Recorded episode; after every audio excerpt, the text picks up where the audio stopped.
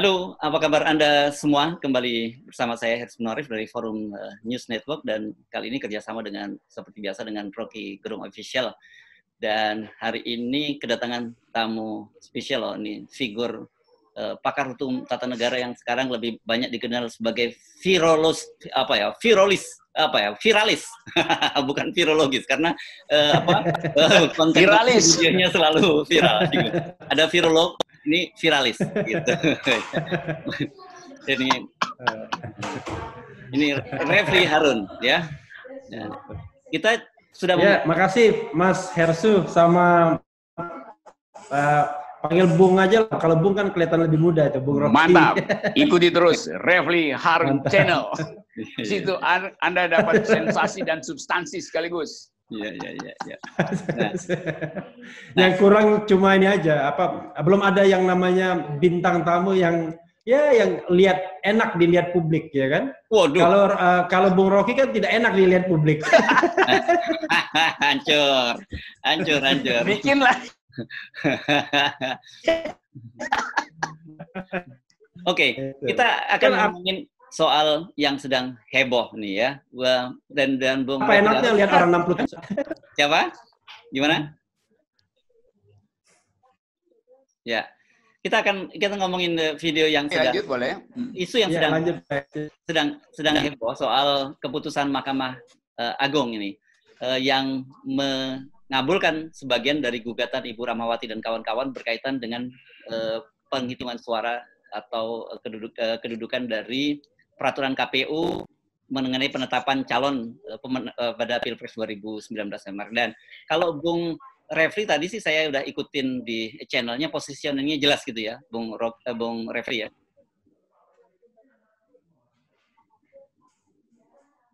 Iya. Uh, sebelumnya nanti tolong uh, di subscribe dulu channel saya ya. ya pasti dong. Di sini pasti. nih. Sudah pasti itu ya. Begini, saya ini kan termasuk orang yang selalu mengikuti regulasi berpemilu kita, putusan MK dan MA, karena memang udah punya sehari begini. Dan selalu kadang-kadang putusan MA itu satu dulu satu kata sering telat. Hmm. Nah, nah, gitu. Maka kemudian dia kan mengano dari satu segi ya, yaitu putusan itu kan ada harus ada tiga aspek. Nah, aspek kepastian dan kemanfaatan yang paling penting kan? Ya. Dan keadilan. Nah, dari segi manfaat nggak ada manfaatnya lagi putusan hmm. ini. Jadi walaupun dibacakan pada tanggal 28 Oktober dan kemudian katakanlah diserahkan kepada KPU 28 Oktober juga, dimasukkan ke dalam website 28 Oktober juga ya, biar seperti MK, hmm. nggak ada gunanya karena proses sudah lewat gitu. Kalau kita bicara tentang legitimasi hukumnya kan begitu. Ya. Hmm.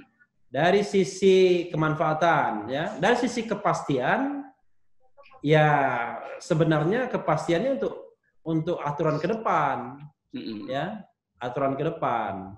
Dari sisi keadilan ya kalau orang nggak nggak dapat manfaat, ya pasti nggak dapat keadilan. Orang kan datang ke pengadilan itu untuk cari keadilan. Kalau tidak bermanfaat sudah pasti tidak adil, ya kan? Ya. Karena untuk adil harus bermanfaat dulu kan begitu. Oke. Okay.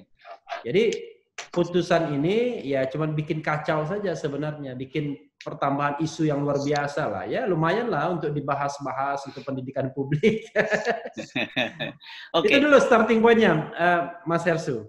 Yes, oke. Okay. Sekarang tadi uh, kalau Bung Rocky pasti punya uh, karena dia bukan ahli hukum tata negara, tentu tafsirnya berbeda lagi ya melihatnya ini. Bung Rocky, Anda melihat mengapa sih yang begituan bisa jadi bikin heboh gitu? Padahal itu kan sebenarnya biasa-biasa aja tuh kalau menurut para uh, hukum para pakar hukum tata negara tadi.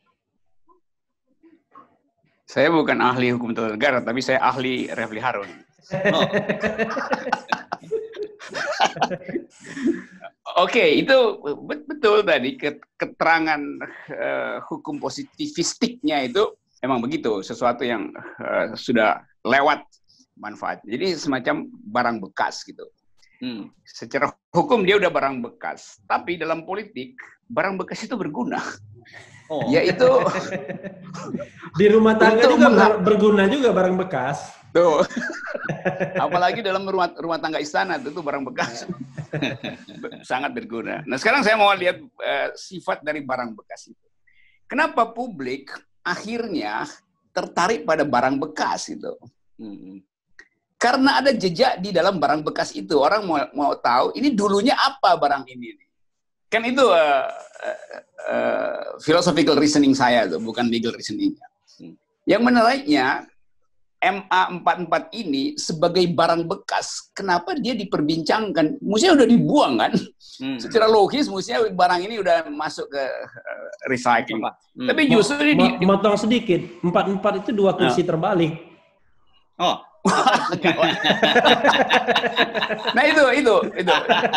Jadi ini udah tafsirnya udah beda nih. ya ya ya. Jadi oh. barang iya oke okay, kursi terbalik gitu dan uh, ma dua lagi ya dua lagi agar supaya dua. ya. Memang itu jadinya kan mau dibalikkan uh, kursi itu kursi yang mana kursi yang yang ada di depan Monas itu. Jadi permainan politik akhirnya menemukan bahwa kendati sesuatu itu sudah bekas, tetapi dia berguna untuk menghasilkan orang energi perubahan tuh. Jadi saya kira itu. Kalau kalau uh, pakai metafor refli harun, refli itu bahasa Inggris artinya refly. Hmm. Refly artinya diterbangkan ulang itu. Isu itu refly, refli. Nah supaya dia bisa refly, mesti harun dulu. Harus ada yang turun. Itu maksudnya tuh. Dan untuk untuk Harun harus ada yang menggerung, ya kan? Menggerung. Menggerung itu iya. ngamuk artinya. Nah itu, itu yang lagi ditunggu orang tuh. Siapa yang akan ngamuk dan siapa dan, yang harus Dan untuk menggerung itu ya harus ada rokinya, harus ada apa? Pemain no barunya, no new player. Iya, bukan harus new oh, player. Oh Rocky ya? Iya Rocky, ya? iya new player. Kalau pemainnya lama-lama semua nggak nggak ada lagi legitimasi, udah nggak dipercaya. Nah ini ya, oke. Nah, wah, ini barang nih. Ini tafsirnya menarik ini. Oke, tapi lanjutkan Anda tadi. Coba lanjutin yang dikatakan oleh Bung uh, Refli tadi yang berkaitan dengan Aha.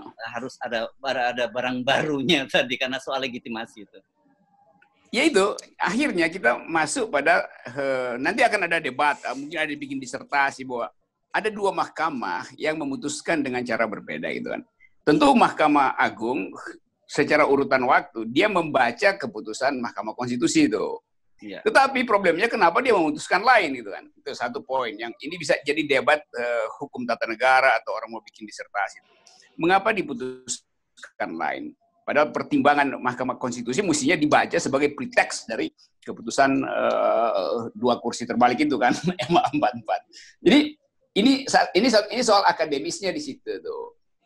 Tapi ada soal politis yaitu penundaan uh, penyampaian pada publik. Sekarang saya bikin semacam yuristik, legal yuristik. Hmm. Mengusut itu secara uh, logis saja tuh kita tahu kebiasaan di Mahkamah Agung, perkara yang sebetulnya sudah bisa diputuskan hari ini, itu bisa ditunda keputusannya. Jadi sidangnya pun bisa ditunda, walaupun sudah saling tahu bahwa ini bisa diputuskan hari ini, ditunda dua bulan. Itu problem-problem eh, pengusaha yang nyogok supaya putusnya ditunda dulu deh, karena gue lagi gali batu bara, gue lagi gali tambang minyak di mana. Walaupun dia tahu bahwa dia pasti dikalahkan. Tapi hmm. dia pakai waktu dua bulan ke depan itu dengan menunda supaya dia masih bisa produksi kan. Nah, hasil produksi itu mungkin buat nyogok, hakim segala macam. Jadi ini ini bagian politik hukum di situ atau bukan politik hukum, permainan hukum hmm. secara politis di mahkamah itu. Ya. Nah, sekarang yang menarik adalah uh, siapa sebetulnya yang uh, membaca momentum sehingga baru sekarang dikeluarkan nah. putusan itu. Ya. Nah, kita mau tahu di Mahkamah Agung ada orang yang meneliti momentum politik sehingga harus mencicil keputusan dikeluarkan hari ini? Ataukah itu adalah perintah dari istana supaya keluarkan? Kalau begini itu ada skandal di situ tuh. Jadi ini barang yang eh, barang bekas yang atau barang bekas yang udah busuk sebetulnya, hmm. tapi kemudian jadi kausa celebre tuh. Jadi pertaruhan orang bukan terhadap uh, aspek legalnya sebetulnya, tetapi membaca konfigurasi di Mahkamah Agung berubah apa enggak nih? Atau istana dengan Mahkamah Agung ada apa sebetulnya interplay di antara mereka tuh sehingga ada momentum orang lagi sibuk uh, COVID, lagi sibuk soal uh, HIP. Jadi, jadi membaca Mahkamah Agung itu seperti membaca Telkomsel mungkin ya? Nah, gimana itu? Membaca membaca isi Telkomsel. Hmm. Sinyalnya Coba coba. Enggak, nah. enggak ngikutin ya. Tahu tahu tahu ya. Ah, itu seperti jadi membaca isi Mahkamah Agung itu seperti membaca isinya Telkomsel ya. Oke, coba coba Anda jelasin dulu supaya orang paham kan. ya, coba jelaskan dulu. Hmm. Enggak, kan kita tahu bahwa ada apa netizen ya kan? Yes. Yang mempermasalahkan datanya bocor. Ya. Di, ya, ya. ya kasus yang yes. saya sebutkan. Iya, iya, iya, iya. Ya. Nah, sekarang ketika Bung Rocky bilang tentang Mahkamah Agung, blok-blok yang ada di Mahkamah Agung ini apa aja? Kenapa kok tiba-tiba baru dikeluarkan sekarang? Ya kan? Hmm. Ada data yang seperti ini. Siapa yang nah, nahan? Biar Revi terangin lebih jelas itu ya, karena dia mau itu lebih paham blocking itu. Sebagai Seperti cari anu, uh, cari tadi perusahaan uh, provider uh, telekomunikasi tadi, ya kan, yang tiba-tiba bisa mengeluarkan data orang, ya kan, bisa menahan data orang. Jadi hati-hati. Mas Hersu nanti tiba-tiba bisa keluar tuh data-datanya. Oke. Okay. Tergantung konteks zamannya. Apalagi ya. Bung Rocky ini, Bung Rocky kan sudah mulai berpikir untuk apa ya? Calon Menteri Hukum dan HAM kalau nggak salah untuk new reshuffle ini ya. Oh, iya, siapa? saya dengar. Ah, Bung Rocky. Loh kan katanya. Kementeriannya kan itu salah satu kementerian, hmm. itu salah satu institusi yang yang mau dibubarkan oleh eh, presiden kan, selain OJK. Oke, coba, coba balik lagi ke. Yang paling favorit katanya menterinya terganti. Bung Bung Refli, coba dari pengalaman Anda. Anu, dia Mas Hersu pusing dia motongnya. Kenapa? Mas dari pengalaman Anda. Lanjut ya. Dari pengalaman Anda, Bung ya. Refli, anda udah berapa, sering kan iya. berperkara di Mahkamah Agung kan? Apakah memang lazim ada keputusan yang di di di apa sampai cukup lama seperti itu? Iya, kalau sering sih tidak, tetapi uh, pernah beberapa kali dan juga yang paling sering itu justru menengok putusan-putusan yang ada. Mm -hmm. Nah, uh, dua hal yang paling yang paling bermasalah di MA menurut saya ya. Mm. Pertama adalah putusan yang terlambat mm. dibacakan atau di diberitahukan atau disampaikan kepada pihak. Kan it, starting pointnya itu kan ketika putusan itu sampai sesungguhnya. Dan yang kedua adalah uh, apa disharmoni hmm. antara satu putusan dengan putusan lain, terutama antara MA dan MK. Saya kasih contoh sesuatu misalnya pernah dulu ada wali kota Depok Nur Mahmudi Ismail Ya. Nah, dia menjabat untuk jabatan yang kedua. Sudah dimasalahkan di Mahkamah Konstitusi, dia tetap menang. Ya. Eh tiba-tiba dua tahun dia menjabat, muncul putusan Mahkamah Agung mm -hmm. yang membatalkan SK KPU Kota Depok tentang penetapan calon. Coba ya kan. Oh, pernah terjadi itu ya? Jadi ya? Hmm. penetapan calon, iya penetapan calon itu nggak ada nothing to do dengan Rumah Mudi Ismail dan nothing to do dengan urutan kedua yang menggugat. Tapi terkait sama orang lain yang ya, dianggap ya, ya. tidak memenuhi syarat. Jadi ya, orang ya, lain ya. itu kalau tidak salah calonnya empat atau lima. Hmm. Nah calon yang nomor empat atau nomor lima ini yang kemudian dibatalkan oleh Mahkamah Agung. Hmm. Padahal case close sudah kan ya, begitu. Hmm. Nah, lalu kemudian yang namanya putusan kan harus dijalankan. Nah, hmm. ketika saya ditanya gimana menjalankan putusan itu, hmm. saya tanya SK KPU mengenai penetapan perolehan suara dan pemenang dibatalkan nggak? Enggak, ya sudah. Hmm. Batalkan saja penetapan calonnya. Jadi penetapan calonnya yang dibatalkan diganti dengan yang baru, tapi hasilnya tidak diubah.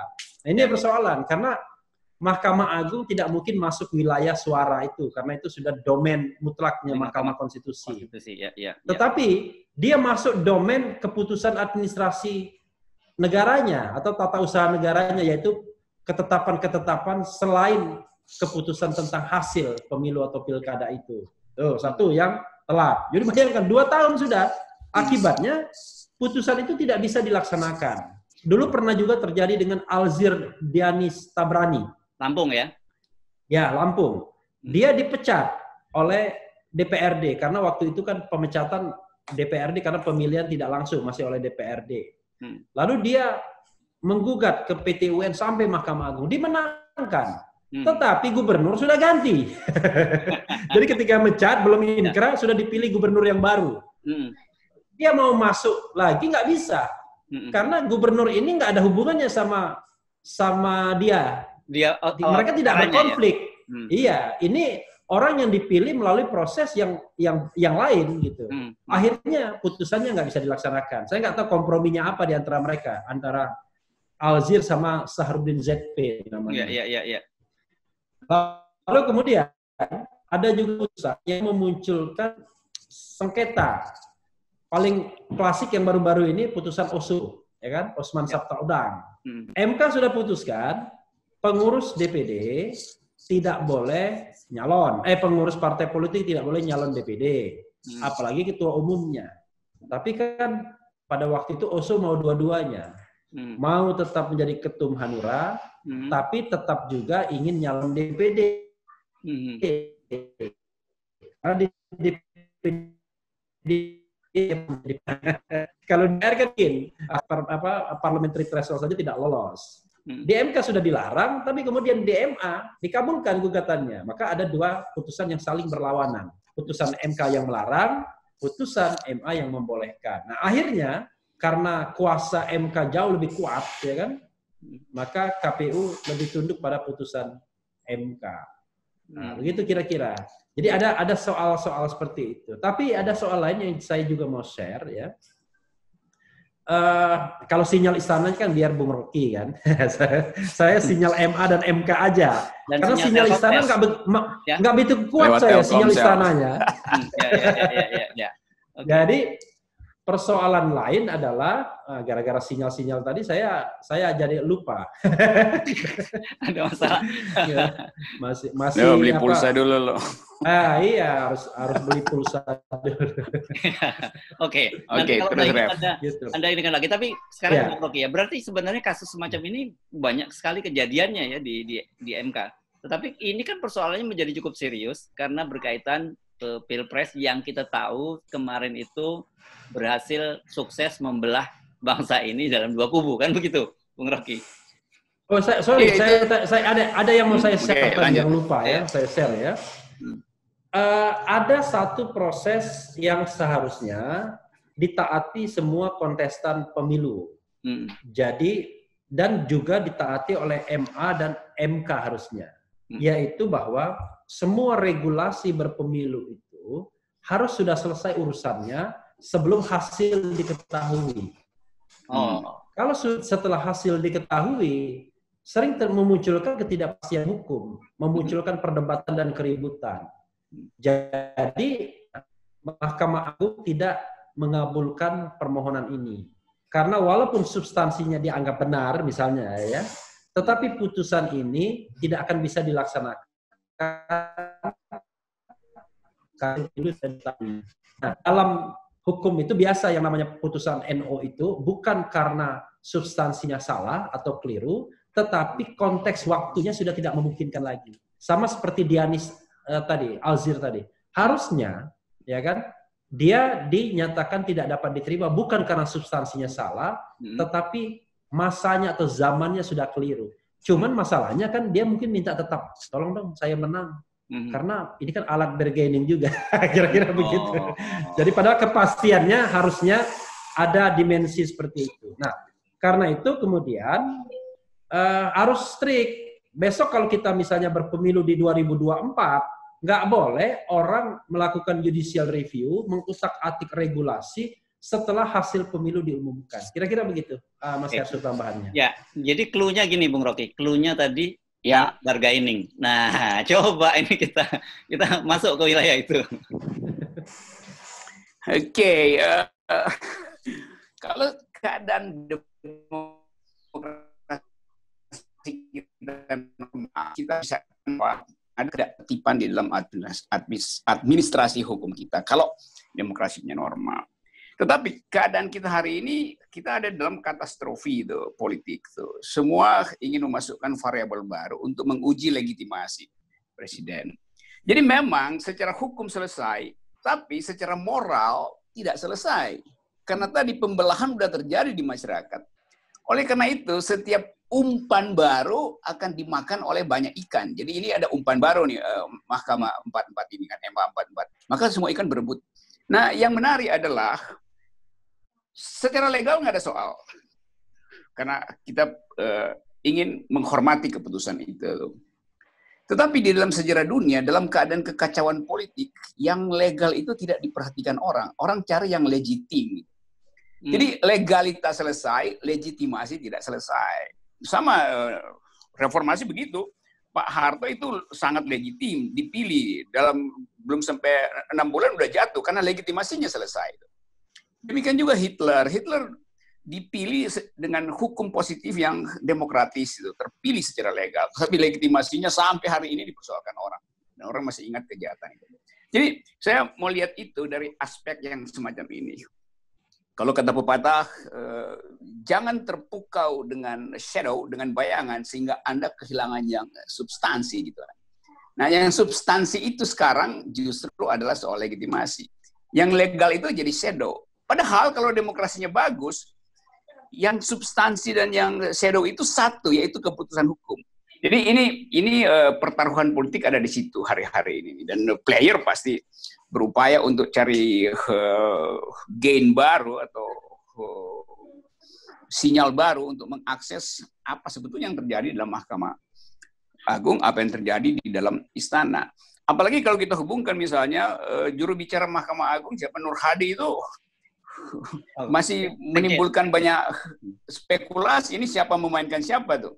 Hmm. Jangan-jangan juga ada ada momentum semacam ini, ada balas dendam dari kalangan Mahkamah Agung untuk uh, mengatakan bahwa oke okay, kalau kalian macam-macam ini ada beberapa ada beberapa rahasia yang kami masih pegang loh. Jadi itu masalahnya kalau sistem hukum kita ini ini ilustrasi ya jangan yeah, yeah, yeah. anggap sebagai kesimpulan ya. Yeah, iya, ilustrasi yeah, yang bisa menimbulkan kesimpulan yang bagus ya senang aja kalau disimpulkan begitu. Jadi dalam keadaan sistem hukum di mana variabel politik sangat kuat, bermain di MK variabel politik, bermain di Mahkamah Agung variabel politik. Maka orkestrasi ini akan dilihat sebetulnya partiturnya siapa yang yang tulis sebetulnya. MK dan MAI ini dikendalikan oleh uh, apa namanya dalangnya siapa itu. Hubungan antara MA dan istana sekarang apa bedanya dengan hubungan antara istana dan MK ketika menguji uh, sahnya hasil pemilu karena komplain uh, komplain tentang kuantitas Eh, kemarin itu tuh. Jadi ini yang jadi saya terangkan tadi jadi isu publik sehingga sesuatu yang sebetulnya nggak penting lagi akhirnya di sangat penting. Nah psikologi ini yang mesti kita terangkan tuh apa yang terjadi pada bangsa ini. Padahal mas ada kasus lain ada soal uh, apa namanya kemarin tuh bibit udang segala macam apa hmm. apa namanya itu lobster ada politik lobster benur benur dan ada Eh, ketua partai Golkar hmm. pergi ke menemui Gerindra. Jadi itu semacam uh, sinyal ada lobster sedang manjat pohon beringin gitu kan.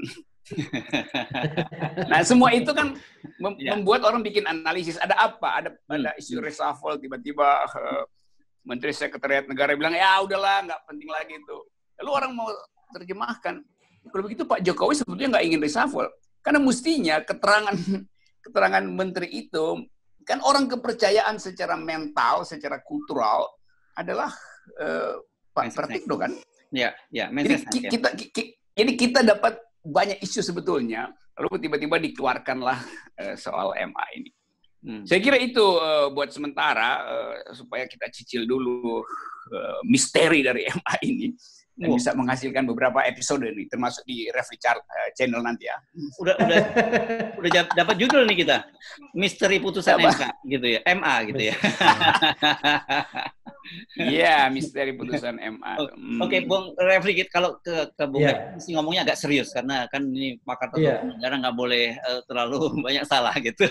Bukan, kalau pakar hukum tata negara ada koridornya. Ada jadi koridornya. ada ada ruangnya Hmm. Kalau filsuf itu tidak perlu ada koridor, cakrawala melangit membumi. Seluas cakrawala. Ya, ya. Itu enaknya kalau filsuf. Oke, okay, balik ke koridor dulu ya. Balik ke balik koridor, koridor dulu. Sebenarnya memahami ini, mungkin publik penting juga memahami antara hubungan antara MK dengan MA ini ya, terutama dalam sengketa-sengketa semacam uh, pemilu ini karena sebentar lagi itu juga akan ada pilkada serentak dan sebagainya. Ya. Uh, bagaimana itu kita memahami posisi ini dengan menggunakan kasus yang terbaru ini, Bung Rocky? Eh, Bung Refli.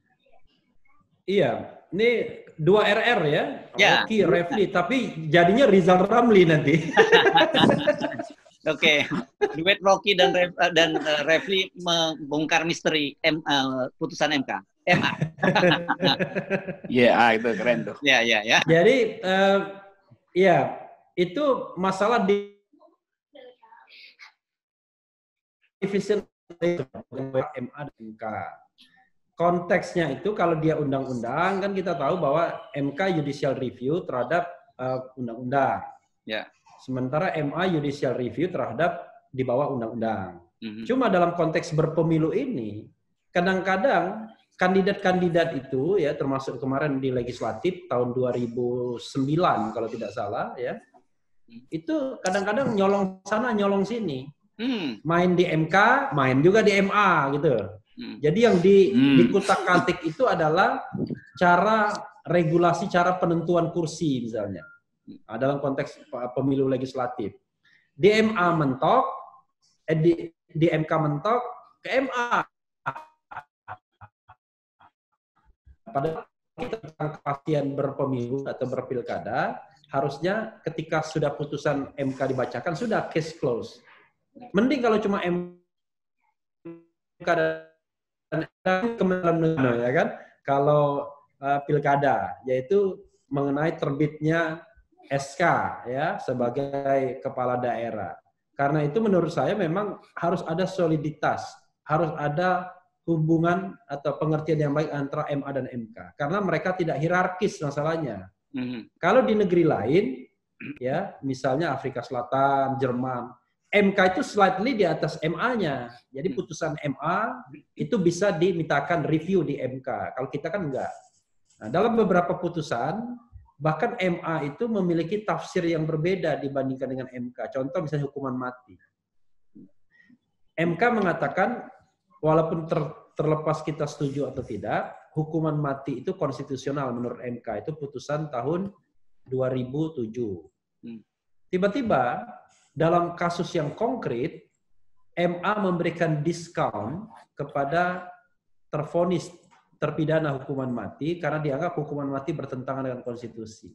Jadi hmm. dalam kasus yang abstrak norma MK mengatakan itu bertentangan dengan konstitusi, eh tidak bertentangan. Dalam kasus yang konkret MA mengatakan bertentangan dengan konstitusi. Memang kalau di MK ini kan erga omnes, berlaku untuk semua hal. Kalau ini hanya berlaku untuk part, uh, part, apa pihak-pihak yang terlibat. Hmm. Tapi kan bagaimanapun kan tafsir cara berpikirnya kan kurang lebih sama menggunakan ayat-ayat konstitusi. Nah, sering seperti itu. Sama seperti ini juga yang kita bahas ini terjadi perbedaan pandangan antara MK dan MA. Dalam konteks judicial review tahun 2014 kan MK sudah mengatakan kalau dua calon ya sudah suara terbanyak. Hmm. Itu kan sudah diputuskan oleh MK. Memang itu dalam konteks judicial review terhadap undang-undang sebelumnya yaitu 42 2008. Tapi jangan lupa yang ditafsirkan itu kan ayat konstitusi juga yaitu pasal 6A di mana di situ kan tidak jelas in case kalau cuma ada dua pasangan calon. Tapi MK sudah mengatakan dengan adanya dukungan partai politik dan lain sebagainya macam-macam dan lain sebagainya dia mengatakan bahwa syarat persebaran itu tidak diperlukan lagi kalau untuk yang head to head kalau MA mengatakan, wah, Anda yang yang dibikin oleh KPU itu tidak ada landasannya. Baik landasan undang-undang, Undang-Undang Nomor 7 2017, jadi ingin kata KPU ngarang gitu kira-kira gitu.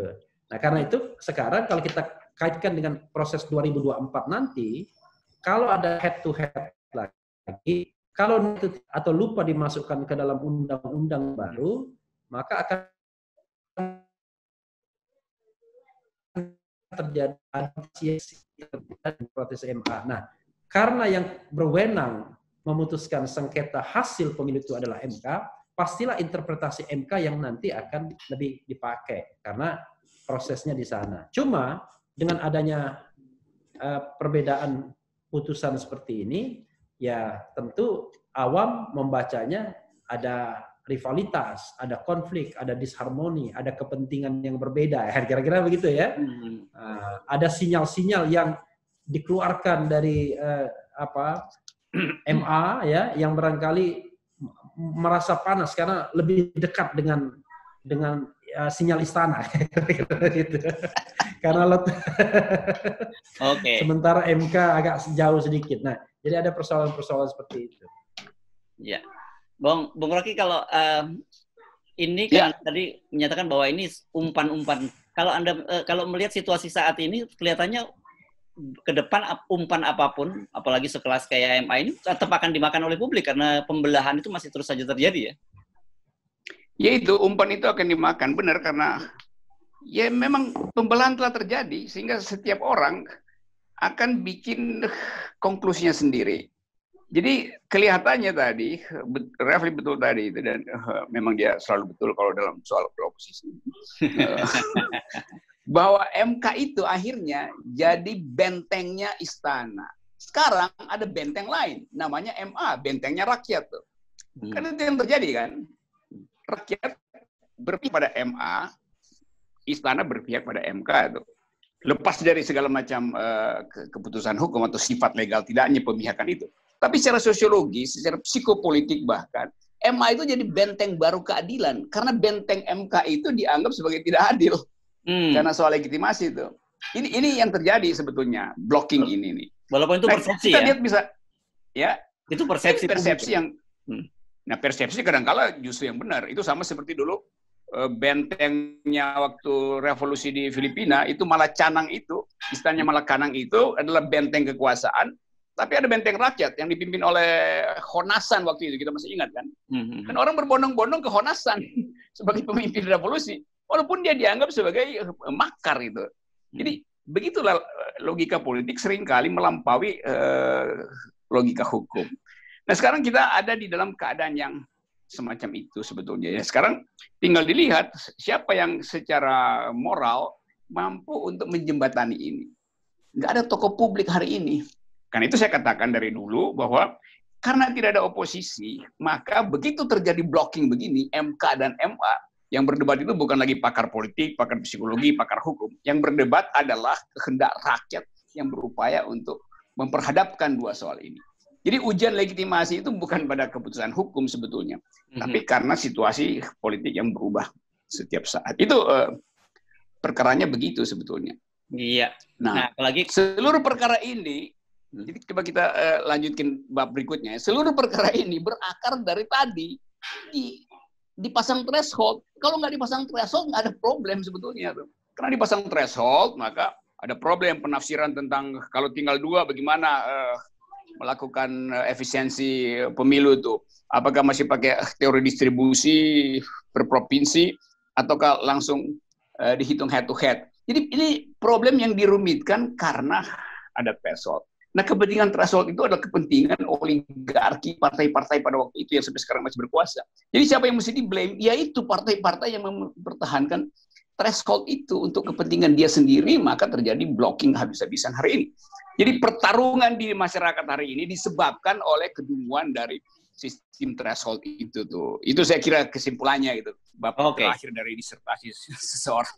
Iya, karena kalau sudah Anda simpulkan mungkin Bang uh, Refli kasih ya. statement uh, closing statement. Iya, uh, kalau saya ya lihat memang kuncinya memang uh, di presidensial threshold kan di video hmm. saya kan saya katakan. Yes. Kalau kita mau memperbaiki semua ini, hmm. termasuk juga soal HIP, ujung-ujungnya presidensial threshold juga. Hmm. Karena kita tahu bahwa kenapa misalnya muncul RUU HIP, itu kan gara-gara presidensial threshold juga kita tahu bahwa gara-gara presidensial threshold kan muncul dua blok besar, satu cebong, satu kampret, ya kan? Nah, maka kemudian yang satu mengklaim lebih Pancasilais, yang satu dianggap khilafah misalnya atau pro apa nggak jelas ya gitu sehingga diperlukan semacam haluan ideologi Pancasila. Demikian juga soal MA putusan MA ini gara-gara presidensial threshold juga yang harus menafsirkan bagaimana kalau dua pasangan padahal konstitusi kita itu menganut yang namanya two round system. Jadi sistem presiden yang dua putaran in case tidak diperoleh uh, threshold jadi kita menganut presidensial threshold tapi threshold untuk terpilih bukan threshold untuk mengajukan calon kan sesungguhnya.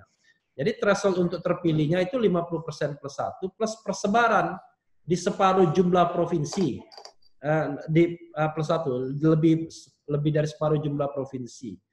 Nah, karena kemudian ada threshold ini kan ada kekuatan oligarki yang memborong partai politik yang bisa juga terjadi pada 2024 mendatang. Kalau istana enam partai tersebut jadi satu, kemudian yang di luar istana itu satu juga, karena yang di luar istana kan cuma 22 persen. Jadi mereka harus bergabung tiga partai untuk mencapai 20 persen kursi itu. Ya. Maka terjadi lagi hal seperti ini. Makanya perjuangan ke depan adalah memang bagaimana menghilangkan threshold itu. Jadi bukan menurunkannya, tapi menghilangkan. Karena menurut saya memang tidak ada legitimasi konstitusionalnya. Kalaupun ada putusan MK, ya kembali kepada analisis Bung Rocky tadi mengenai sinyal istana. Oke. Okay. Baik, terima kasih. Jadi melalui threshold Oke, okay, misteri uh, uh, putusan MK. terima kasih Bung uh, Refli sudah berkenan hadir di uh, Rocky Gerung Official ya. Dan Jangan lupa uh, siapa subscribe juga Refli Harun.